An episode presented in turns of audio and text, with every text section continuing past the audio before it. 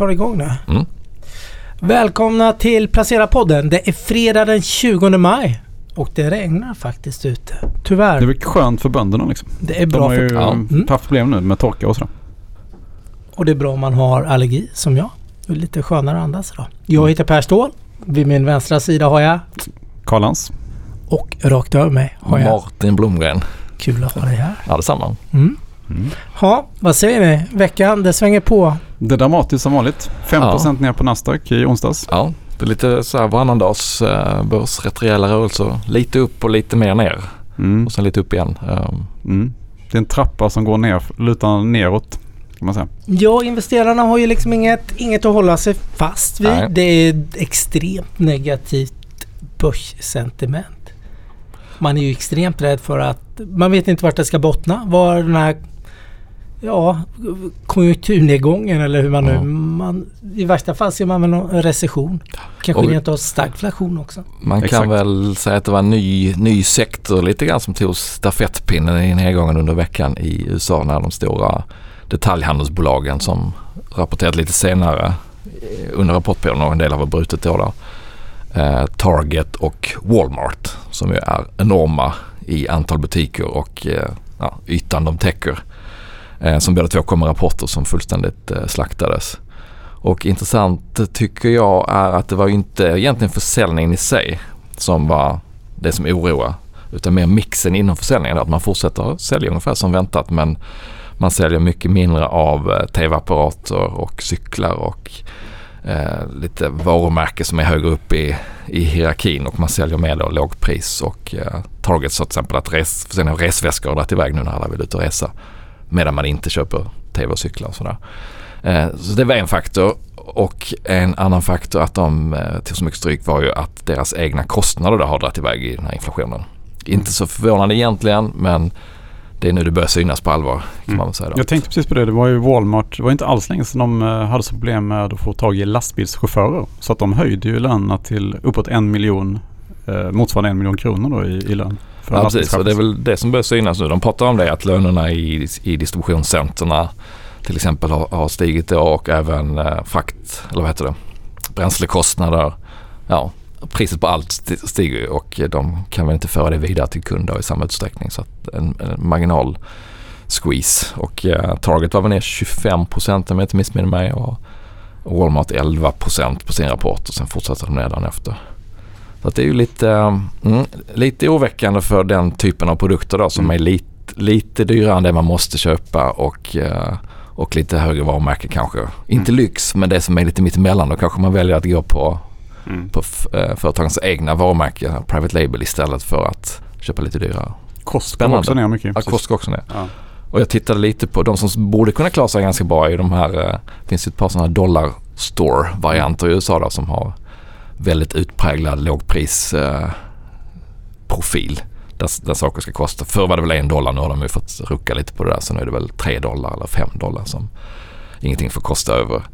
Um, och det är många amerikaner som gillar att jaga lågpris och jaga kuponger. Så att de har ju otroligt många butiker i, i eh, USA och eh, Kanada. Ehm, de har inte rapporterat än så att man, vill man ta ett bett på att de här klarar sig bättre så är det klart man kan göra det. Men jag skulle ju inte köpa de här innan rapporterna för att de borde ju inte heller kunna klara sig från fraktkostnader, lönekostnader och sådär. Och säljer man saker för 3 dollar så är ju inte utrymmet jättestort för att kostnaderna ska kunna dra iväg.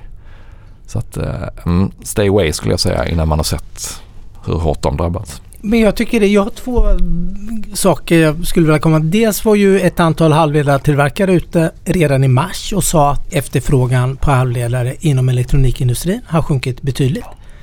Och eh, det är väl där vi börjar se resultatet då för de är ju så långt fram i kedjan då Mm. så det är väl uppenbart att det har man ju kunnat ticka för den boxen på något sätt. Att Ja. det verkar ju då ha varit en, eh, en framåtblick som, som stämmer lite då med konsumtionen. Och sen tänker jag på det andra. Vi, jag träff, fick ju vara med Pekka igår och träffa en före detta kollega till honom som är på Riksbanken. Jesper Hansson som är enligt, han är egentligen det, han är chefekonom på, på Riksbanken Mm. då. Och han, när vi pratar med honom, väldigt bra podd tycker jag. Men då, det, det man är orolig för i mångt och mycket, det är kanske inte företagen så mycket, det är ju privatpersonerna. Lite det du är inne på. Hur mycket kommer konsumtionen att sjunka? Ja. Liksom hur tålig är, är konsumenten nu med allt blir mycket dyrare energipriser, boendekostnader, räntekostnader. I värsta fall får du inte ha jobbet kvar. Så det, det finns ju väldigt många orosmoln då som där konsument, jag tänker på de här framåtblickande eh, konsumentindikatorerna ja. då, att de, de, kommer nog bli väldigt viktiga mm. tror jag under kanske sommaren och in i hösten här för att se liksom hur, hur är temperaturen hos konsumenten. Alltså det finns ju mindre utrymme med bara, inflationen sänker ju helt enkelt köpkraften liksom. väldigt, på ett väldigt konkret sätt. Ja, det är väldigt länge sedan vi hade negativa reallöner för de flesta som vi kommer ha nu i år. Ja, det är väl det man vill se effekten av och alla ser det ju när vi åker, tankar bilen eller ja.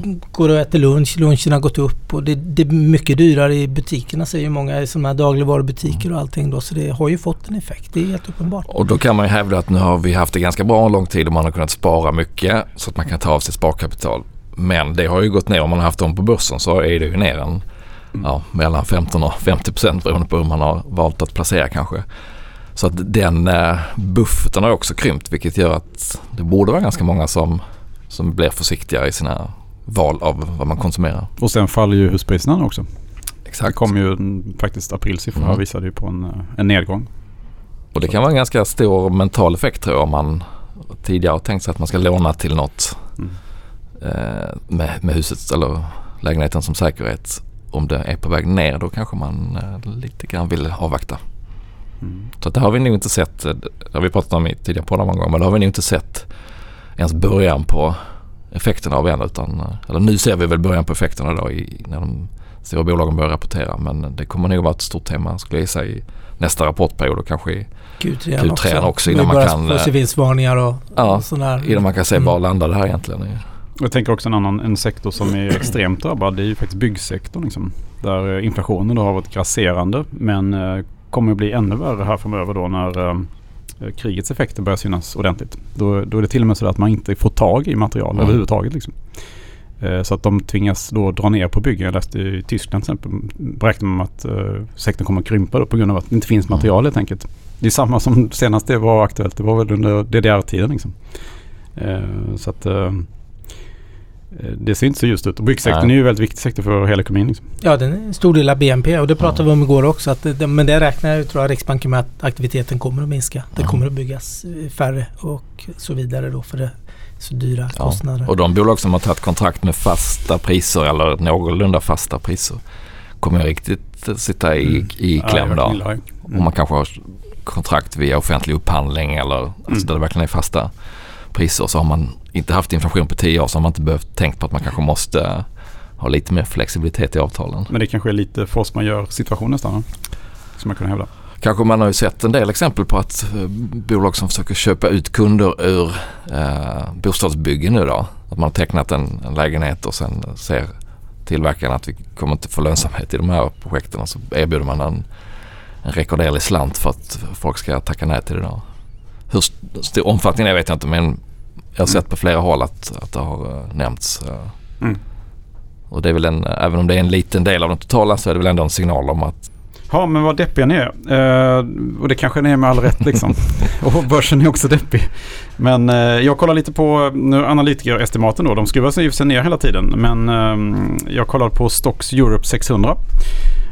och i lite drygt en tredjedel av de aktierna där eh, så ser ju analytikerna uppsida på minst 30% nu. Mm. Och faktiskt många av de aktierna som eh, ligger i topp här eh, är ju svenska då. Om man, mm. det som var, den som var, man ser allra störst uppsida i i Stocks Europe då är ju Sinch faktiskt. Okay. där ser man en potentiell uppsida på 180 procent mm. från nuvarande kursnivå. Den ju, har ju kollapsat aktiekursen ja. då så att det är väl naturligt. Vet ni förresten vilken som är största aktien i uh, Stocks Europe 600? Största, och det är, vad skulle det kunna vara? Jag ger dig lite tid Martin. Ja, men det, är LVMH skulle jag gissa kanske. Ja, det är nära är det. Den det är, är Nestlé tror jag. Det är Nestlé det och Aha. LVMH är nummer två. Okay. Det, uh, det är de schweiziska bolagen De, ligger, de tog jag ju på rätt bra va? Ja. Även Novartis och Roche. Precis, Roche är nummer tre och ja. um, Novo Nordisk är nummer fyra. Uh, och Novartis, ASML och sen Novartis. Astra kommer sen. L'Oreal och Total. Och, uh, det man kan säga i alla fall är ju då att, eh, alltså det är främst, för, förutom då Sinch eh, som man ser lite köpläge nu då så finns det ju, är det, är det många som tycker att eh, Just Eat Takeaway och Delivery Hero, Ja. svenskstyrda då också har tagit kanske lite för mycket stryk nu. Eh, det är då frågan om eh, när en aktie då har fallit, om man vågar ta Ja. upp den här kniven liksom så att säga. Ja, för det är ju risken med sådana här riktkurs, snittriktkurser då. Att Ja. det tar ju tid innan de justeras Exakt. ner eftersom De det laggar ett Justeras ner successivt, ja Ja. precis. Mm. Så Sinch har, har ju säkert varit en ganska stor uppsida i hela vägen ner. Ja. Om man har tittat på snittriktkurserna. Så att det är kanske när de vänder och blir negativa som man, Ja, det är då man ska bli positiv kanske. ja, de Mm. sista kastar in handduken. SBB finns med också. Eh, Den har också fallit mycket. Mm. Mm, 82% upp till uh, genomsnittliga riktkursen enligt Faxet. Dometic 85%. Vitrolife 82%. Men eh, som sagt, det får man ju ta med en viss nypa salt. Men det är ändå indikationen då på att... eh, Ja, det säger ju någonting om Ja. vad någon slags underliggande värde kan vara om mm, allt faller på plats som analytikerna tror. ja. Jag kollade på amerikanska bolag också, samma sätt. Och där på S&P 500 då så är det 185 eh, av de 500 bolagen så såg man en 30% i uppsida.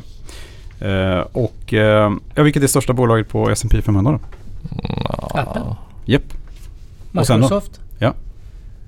Och Sen, Sen är det svårt. sen är det svårt. Jag vet Ja. att Tesla har seglat upp. Den var femte störst ett tag. Det är väl Ja. alfabet om du slår ihop de här A och C-aktierna och alla klasserna de har. Ja det stämmer. Alphabet är trea. Och sen Amazon, Tesla, Berkshire Hathaway, Meta, Johnson Mhm. Johnson och United Health Group. Och sen Nvidia faktiskt. Hur är det med oljebolagen? De har gjort lite comeback men de är inte ens nära ändå eller? Exxon är på tolfte plats. Okej. Mm. Och sen eh, Procter Gamble är också högt. De har också klarat sig rätt så bra i år då. Eh, men eh, intressant är ju då att eh, det som har börjat hända nu på S&P 500 den, den följer 4% i onsdags? Mm. Eh, det är ju att eh, de här stora drakarna har ju börjat falla nu också. Eh, och eh, Pastor, jag vet att du har en bra förklaring till det. Nej men vi pratade lite om det. Jag pratade faktiskt i den podd som jag inte publicerat än i veckan med en hedgefondsförvaltare Mm, som kommer på måndag. Den kommer på måndag, den får ni lyssna på. Då pratade vi mycket om 2008 nämligen. Eh, Som vi båda arbetade i marknaden då. Och då. Då var det lite det här man ser nu att det finns vissa likheter med 2008 med hur mycket vissa tillgångslag rör sig. Mm. Och då var det också lite det här symptomatiskt att man säljer av. Du har mycket som är, du har investerat i lite mindre likvida tillgångar. Och eh, de blir helt eh, illikvida när marknaden blir så stressad som vi är inne i en stressad marknad nu då. Och då säljer man av mycket stora vinnare, typ Microsoft. De flesta sitter med Microsoft-innehav, även stora Stora aktörer har alltid en chans och även Apple hittar du i det mesta. Och de är ju de mesta produkterna också. Tyvärr, det är ju nackdelen då med att vara stor som bara Mm. den. Att då hamnar du extremt Ja. mycket finansiella produkter. Både, om, både i globala index och USA-index så är det ju ganska mycket samma bolag i Ja, toppen det är mycket där. samma. Och det handlar i tem tematiska, b- olika tech, techfonder handlar du i och tematiska fonder och så vidare. Eh, Så det tror jag är en stor andel för de är ju superlikvida. Det är klart, du kommer alltid ur det och man kanske har en ganska, en hyggligt stor del av det så då kan du alltid skala ner lite där om du behöver likviditet för att Mm. göra lite andra investeringar nu då. Så det tror jag kan vara en av flera anledningar då. Sannolikt då att även de tar stryk. Sen såg jag lite, vi pratade ju Exxon, det var lite intressant. Det det är ju bara en sektor som är upp globalt i år. Av de här eh, tio huvudsektorerna som finns på börsen då. Och det är ju energiaktier. De är upp mycket i sektorn. Sektorn är upp över 30 procent. Så det är ju, har ju varit en comeback nu de två, eller det senaste ett och ett halvt året då som har Det är ganska ovanligt. Ja, det har Mm. varit helt otroligt då. Och eh, alla andra nio huvudsektorer på, på, på den nivån då är, lyser ju rött och eh, illrött för vissa då, sektorer som har tagit eh, otroligt mycket stryk. Så det tycker jag är att det är, det är en extremt bred nedgång Ja. är det ju faktiskt. Förutom då om vi isolerar bort de här gas och energi och den här typ, typen av oljebolag då. Som, Kan det vara lite tecken på när vändningen kommer då, då kommer första grejen vara att kanske de här energibolagen börjar falla liksom? Någonstans där liksom. Alltså för att det kanske vara. dämpar då liksom inflationstrycket också. Börjar Ja, men det, Mm. men det kanske det gör om Ukraina, kriget hittar någon kriget lösning. Det slut, ja, kommer väl att, Mm. vad heter det, ta bort mycket spänningar på energi, Mm. energipriserna. Ja. Kan jag tänka mig. Det, det är kanske är nyckeln för att stabilisera dem. Och Ja, och en, rece- en recession i sig kommer ju minska ja, det minskar. energianvändningen Mm. och kanske trycka ner priserna. Men eh, du, jag vet att du tittar på den här Bofas fondförvaltare-enkät som Ja, brukar komma i mitten av De är fortfarande väldigt Ja, den eh, negativa ja, med hög har kassandel. Och, Den har ju varit negativ i flera månader nu. Ja. Vad är den största att- kassan sedan 2001 va? Ja, 9-11? Ja, Mm. nej. Jo. Jo det är det. Det, 9/11 det stämmer. var det. Ja det är Ja. 9-11. Det, det stämmer. Det stämmer helt klart. Det känns för ganska länge sedan. Ja, ja. det känns ju jättelänge sedan. Eh, Och då, man är väldigt bred pessimist. Men det är klart, man är pessimist. Man har stor kassa för man tror att globala konjunkturen ska ner och man, det finns recessionsrisk. Och man är rädd för att eh, centralbankerna kommer kanske inte kunna balansera på rätt sätt och att man trycker ner konjunkturen ändå mer då. Men är inte Och- det ett underbetyg till centralbankerna då? De kanske Ja. borde väl se också att det, det Ja, kommer men, inte... men det är, ju de bara för, det är ju bara förväntningar. Man kan väl inte Ja. recensera dem riktigt sådär. Jag, det, det är ju investerarnas mindset eller vad man ska Ja. säga. Mm. Och sen är man ju rädd då att det är klart en global nedgång i ekonomin kommer ju sprida sig till bolagsvinsterna. För det är klart, de, de driver ju upp BNP. När de går bra så går ju BNP också bra. Så det är klart att bolag, man vet väl inte hur mycket bolagsvinsterna ska ner. Det tror jag lite när man läser det att det finns en stor osäkerhet. Och jag, pratade, jag pratade med en förvaltare förra veckan, Europaförvaltaren, han sa det. Ja, men jag, det är mycket bara blir billigt men jag är rädd, jag vet inte hur, hur mycket ska vinsterna ner? För det har inte varit några vinstvarningar än i princip. Nej. Nej, Och- rapporterna har ju varit bra, så jo, att det har inte rapporterna varit har varit bra. Det har inte varit några vinstvarningar.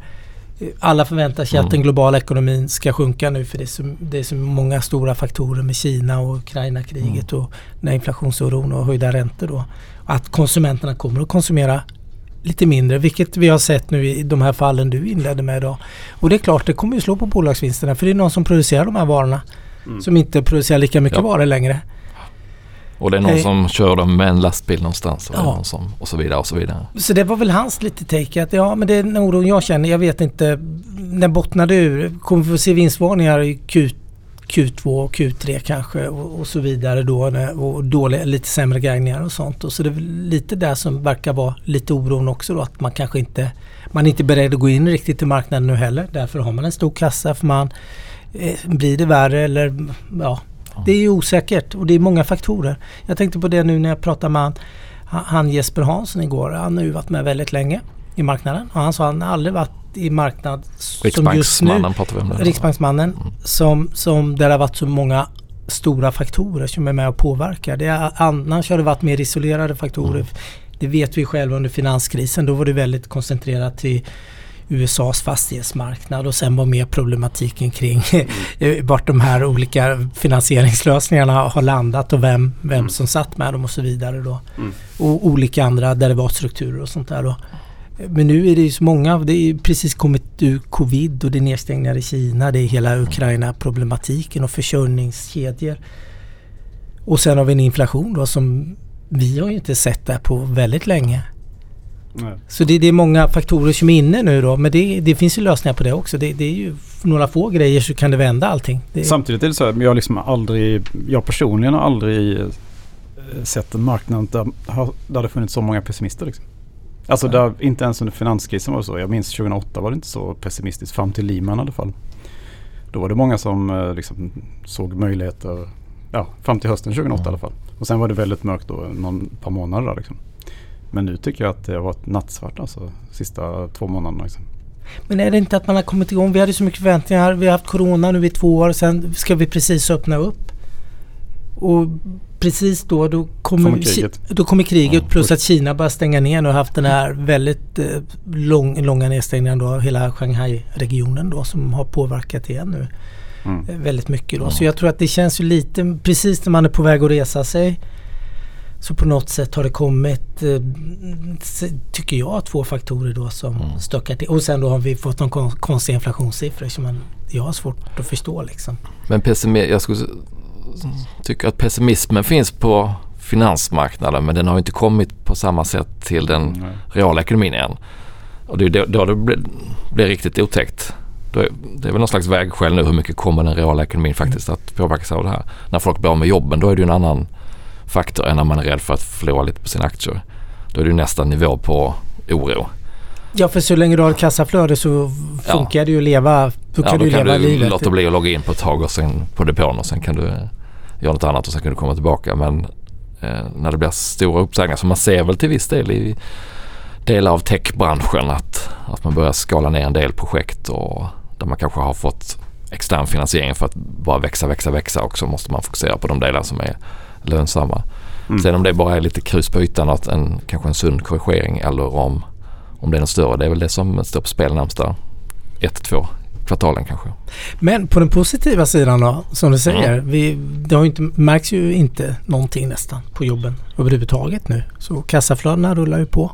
Tvärtom, alla skriker ju efter ja. arbetskraft. Alla skriker och jag såg bilder på, från Arlanda nu igår. Någon mm. som hade lagt ut på Twitter. Och ja. jag ser security. Massor liksom. Ja, mm. nu, nu är väl det problem då med säkerhetsgrejen ändå. Ja. Men jag var själv ute och flög förra veckan och all, inte sett så mycket folk på de två flygplatser jag var på, på jag vet inte när. Mm. Det, det kanske 2019, 2018. När det pikade där någon gång. Jag vet inte när piken var flygmässigt. Var det precis innan Corona eller var det 2018? Då jag, ja, 2018 Sverige var, I Sverige var det nog, eh, alltså utrikesflyg i alla fall, var säkert 2019. Mm. Mm. Så det är ju igång igen. Mm. Folk, är, ja, är folk är utsvultna. Det är det jag menar lite. Man är så utsvulten nu efter de här två åren. Jag tror man har fått lite käftsmällar nu både med Ukraina-kriget och de här nedstängningarna igen. Lite. Det är därför jag tror folk har blivit lite deppiga igen.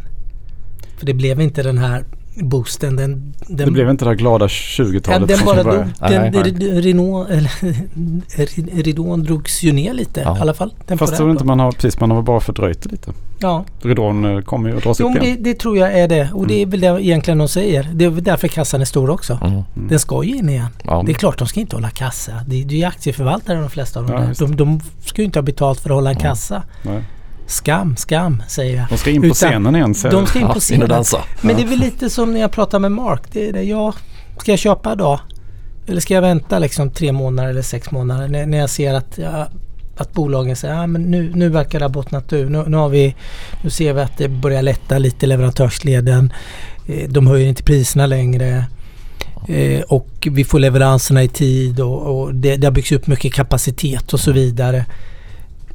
Jag, jag vet inte. Du, var, var det inte den här Bofa-rapporten förresten, bara återkoppla den igen. De, de sa väl att det också typ att de har nästan aldrig sett så pessimistiska investerare. Bla bla bla. Och sen sa de också att eh, det enda som saknas just nu det är, det är den här liksom kollapsen på aktiemarknaden. Och då tänkte jag lite så här. Vi hade ju i onsdags hade vi 5, 5 på Nasdaq minus och eh, minus 4 på S&P 500. Hur definierar de egentligen en kollaps? Ja, jag vet faktiskt inte. Är det en liten kollaps eller är det liksom, jag, räcker det? Men jag kan tänka mig att man tittar på volymen också. Jag vet inte om det var mm. mycket volymer. Alltså att det var enorma mm. Ja, men eh, drar man ut kurvan lite längre så är ju fortfarande Nasdaq en bra bit över toppen innan covid. Mm. Och det är kanske 60% över vad det var på botten. Mm.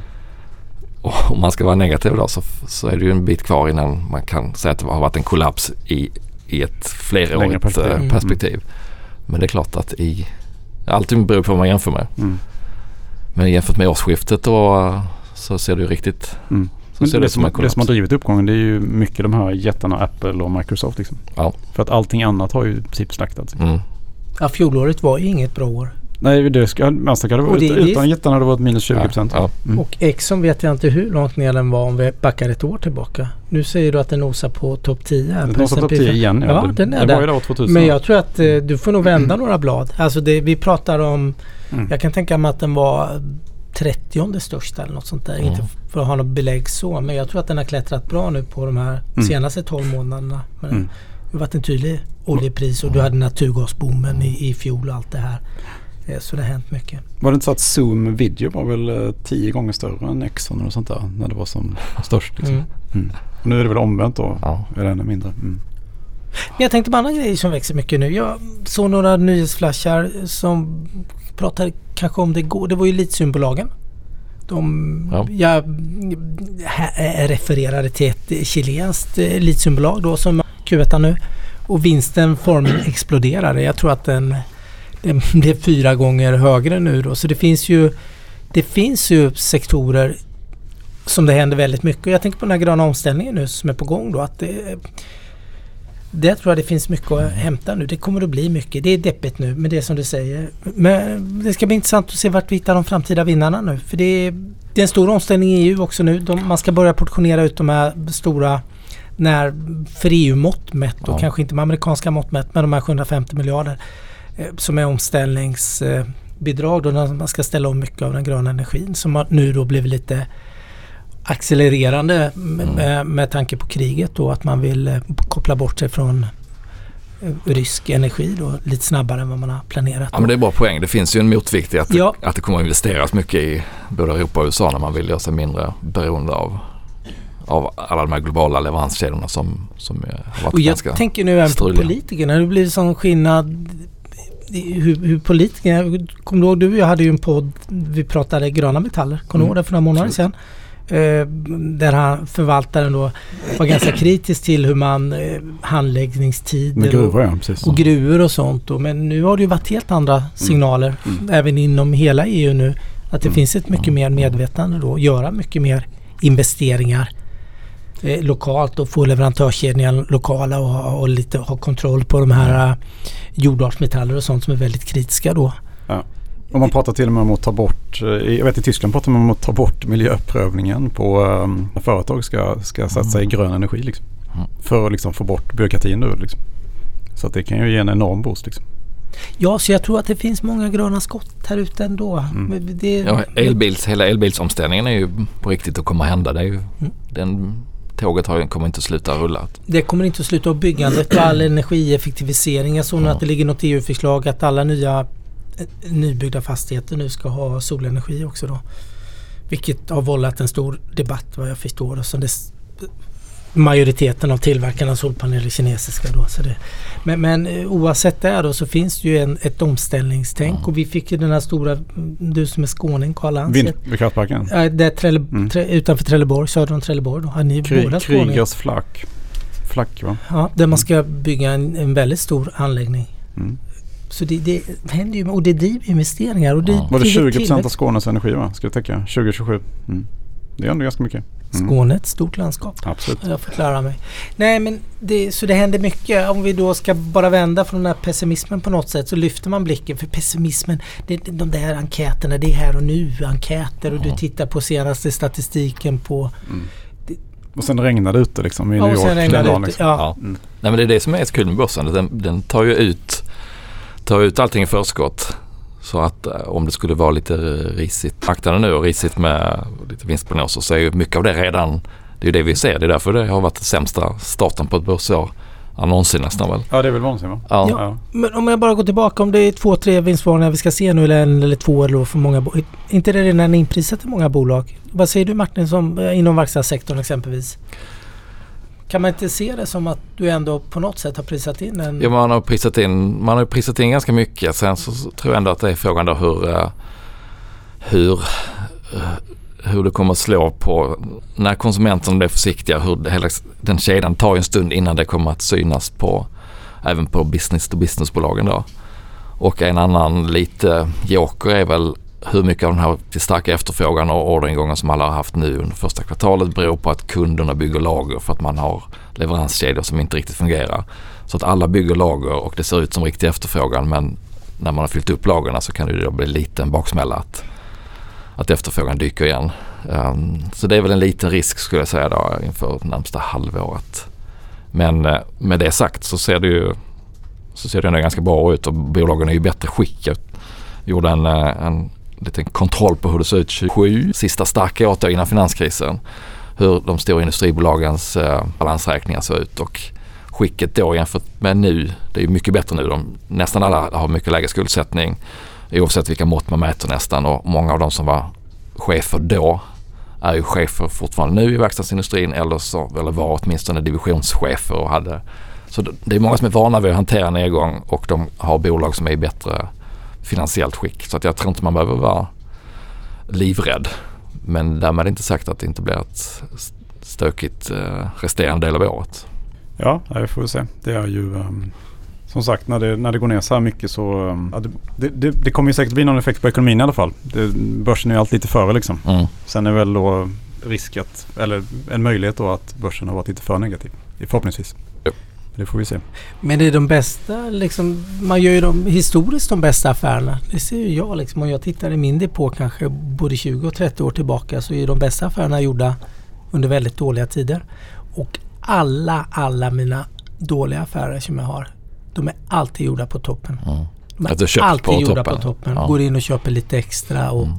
så vidare. Det är något jag har med mig. Så det är Mm. lite Så det är nu du ska köpa det? Ja, eller snart eller nu eller som markup. Ja, men det är inom halvåret i alla fall. Och För jag kanske vill se några mer signaler. Något Mm. att inflationen toppar ut eller nå- få något från Fed och sådär. Då. Så det Men Per, du har väl en rekordstor kassa just nu? ja, rekordstor vet jag inte men den är ju hyggligt stor i alla fall. Det är du som sitter och svarar i de här boförundersökningarna. Nej men det är ändå har jag tagit mycket stryk. Ja. Så det liksom, spelar ingen roll för innehaven har inte betett sig som man har tänkt. Liksom. Mm. Så Mm. jag har ju även mycket Microsoft Apple som har tagit jättemycket stryk Mm. nu. Men jag känner att jag har, jag vet lite varför. Ja, men värderingar spelar ju roll eh, periodvis i alla fall och om man kommer in på en väldigt hög värdering så kan det ju ta lång tid eller innebära att man inte får igen det. Tänker ibland på... Tänker eh, du på vinbörsen eh, 1914 liksom? Nej, jag tänker på eh, IT-bubblans eh, där många bolag tog väldigt, väldigt lång tid innan de kom igen även om, om de underliggande gick bra. Alltså Microsoft tog 15 år jag för mig från toppen till att de var tillbaka. Cisco och Intel är fortfarande inte tillbaka var de var 2000. Eh, och det är ju företag som har superviktig infrastruktur för, för IT och telekom. Så att kommer man in på toppen, vilket ju man ska rätt mycket otur om man lägger in allting precis på toppen. Men så kan det ju ta otroligt lång tid eller eh, aldrig att Nej, man får tillbaka. Nej, men det är som Zoom till exempel. Det är ju att den ska upp till sin, eh, Nej, den nivån igen. Det är väl, kommer dröja väldigt länge i så fall. går någonting ner 80% så ska det ju upp Mm. vad blir det, 400-500% för att vara tillbaka. Så att, eh, Vi, det är svettigt om man kommer in eh, helt snett. för vinbörsen tog det ju 98 år för indexet då att komma tillbaka till samma nivå. Men det finns många aktier där som gick oerhört bra. Kan jag tänka mig. I vin ja, I vin. Så det, det Ja. finns alltid vinnare. Det vet vi. Då har du gjort några Ja, jag- affärer Jag fortsätter i ju, veckan här. jag fortsätter ju bottenfiska i den här eh, tråkiga marknaden då. Eh, så att eh, eh, nu är väl kassan borta då. Eh, men jag köpte, fortsatte köpte, köpa Salesforce och eh, Atlassian har jag köpt också. Det har ju varit sådana enorma nedgångar Mm. fastän de låg och en, det signalerar ju att någonting är inte bra, riktigt bra liksom. Men, eh, eller att investerarna är väldigt oroliga liksom. Mm. Eh, Men eh, Salesforce är ju ner på en värdering som var då 2008, 2009 under finanskrisen. Så det är ju väldigt historiskt låg värdering på den aktien. Så det vore väl konstigt om, om den skulle kunna falla så mycket mer härifrån. Tror jag. Famous last words. Nej men jag tänker lite på det du pratade om. Du pratade om att köpa Microsoft på toppen så Ja. tar det 15 år. Men hade du köpt Microsoft på botten där 2000, hösten 2002 eller någonting? Det har varit Då fantastiskt. har ju resan varit noll Eller fortsatt att köpa. eller fortsatt att köpa ner precis den får en, strategi eh, nu ja. som, som vår kära Ja. kollega. Ja, jag började köpa Salesforce på 300 då och nu är den nere i 150 liksom. Mm. Så jag köper lite hela tiden. Uthållighet. Få ner snittkursen och allt det där. Det, det finns ju fördelar med Det det. handlar ju om att vara väldigt siktig då i det Mm. fallet. Eh, nu tittar ni på mig. Ja, det, Ja, men jag har eh, sålt lite grann faktiskt. Jag har eller minskat lite i Cloetta.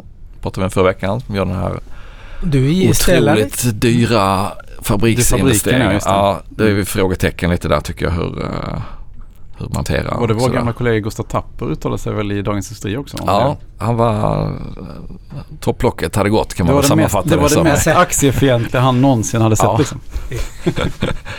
Ja, jag, jag är på team Tapper där. Så att, men jag är kvar men jag halverade väl ungefär mitt innehav. Mm. På plus minus noll skulle jag säga inklusive utdelning efter någon månad.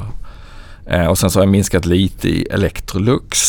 Mm. Ehm, Det är den, en av de mest blankade just nu så jag. ja, de har Mm. poppat upp i blankningen och eh, ja, de har mycket motvind.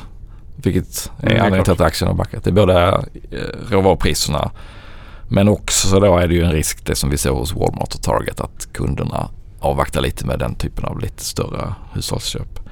Eh, jag tror fortfarande att det här är en väldigt bra kurs långsiktigt men det var en rätt så stor del av min portfölj så jag drog ner lite där. Och sen har jag sålt helt i eh, Renault. tog hem en liten vinst. Den var inte bortskämd med Jag visste inte ens att du ägde Renault. Liksom. Jo, Ja, jag det, du har missat. Det är en av våra poddar Ja. vi har kört. När du, inte har varit, nej, när du har varit i, i Grekland. Special, special uh, situation case. Nej men uh, jag tog hem en vinst där, jag tror det var 10% kanske. Den har stått och stampat. Den är ju superbillig på P-tal. Ganska hög skuldsättning. Uh, och ja, jag hoppar av det helt enkelt. Jag sålde även Dometic. Uh, lågt värderad men det kan väl dröja innan det vänder där är jag rädd för. På samma tema då med konsumenten och det är husbilar och båtar och sånt där som driver deras efterfrågan. Eh, och så sålde jag Securitas. Den defensiva... Det är en defensiv aktie som jag tänker komma tillbaka till i planen men de, de har det här stora köpet av Stanleys eh, eh, liksom digitala bevakning digitala som de köper. Ja. Mm. Och när de väl gör det så kommer de göra en stor nyemission. Eh, och nu skjuter de då på hela det här eh, att de ska få klartecken för det här till Q3 innan det var sagt Q2. Så jag är lite rädd att det här kommer dyka upp mitt under semestern och så blir det stökigt. Så att jag hoppar av den och så hoppas jag att den eh, får en smäll när de väl kommer med den här. eh, Du ska in i nyemissionssmällen här när in, det blir precis. kaos. Då ska jag vara där och nafsa. Så att, um, mm, Samla upp idel skärvorna. Liksom. Exakt, idel försäljningar. Mm. Så att jag bygger lite kassa jag också inför förväntat stökiga en, två kvartal. Hur går Tesla-traden? Den är väldigt bra. Jag har ju Hur många det. dagar är det kvar då? Eh, jag tror jag har haft en månad snart, vilket ju är det vi måste ha. Så nästa, ja det borde vara nästa fredag kanske som jag har chansen att skjuta ut mig. Ja, vi får hoppas att det inte blir ett uh, björnmarknadsrally då. Nej, Den där kan ju gå rätt mycket. nu är det ju nya, det är rätt mycket turer kring Elon Musk. Både kring Twitter, Tesla och andra av hans bolag. Så att eh, han verkar bidra till den tradens eh, uppgång fortsatt. Vi får se. Mm. Per då? Nej, jag har inte gjort någonting i veckan. Jag var ju borta förra veckan. Då, gjorde jag, då sålde jag ner...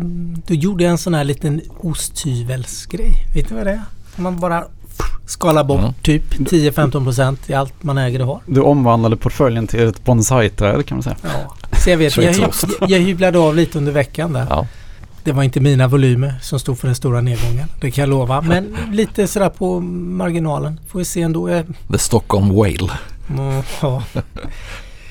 Nej men det enda jag har gjort. Inte köpt någonting. Det är ett tag sedan. Jag sålde ju Tesla på din d- dagen, När du e- började blanka liksom. dagen efter det där, ditt blankningscase. Och det har ju faktiskt Ja, det var bra. blivit relativt 20%, bra. 25 Ja, jag tror jag har mm, besparat lite, Mm. bl- lite, lite blodspillan i... Vi borde ju börja med, med månadens blankningar liksom.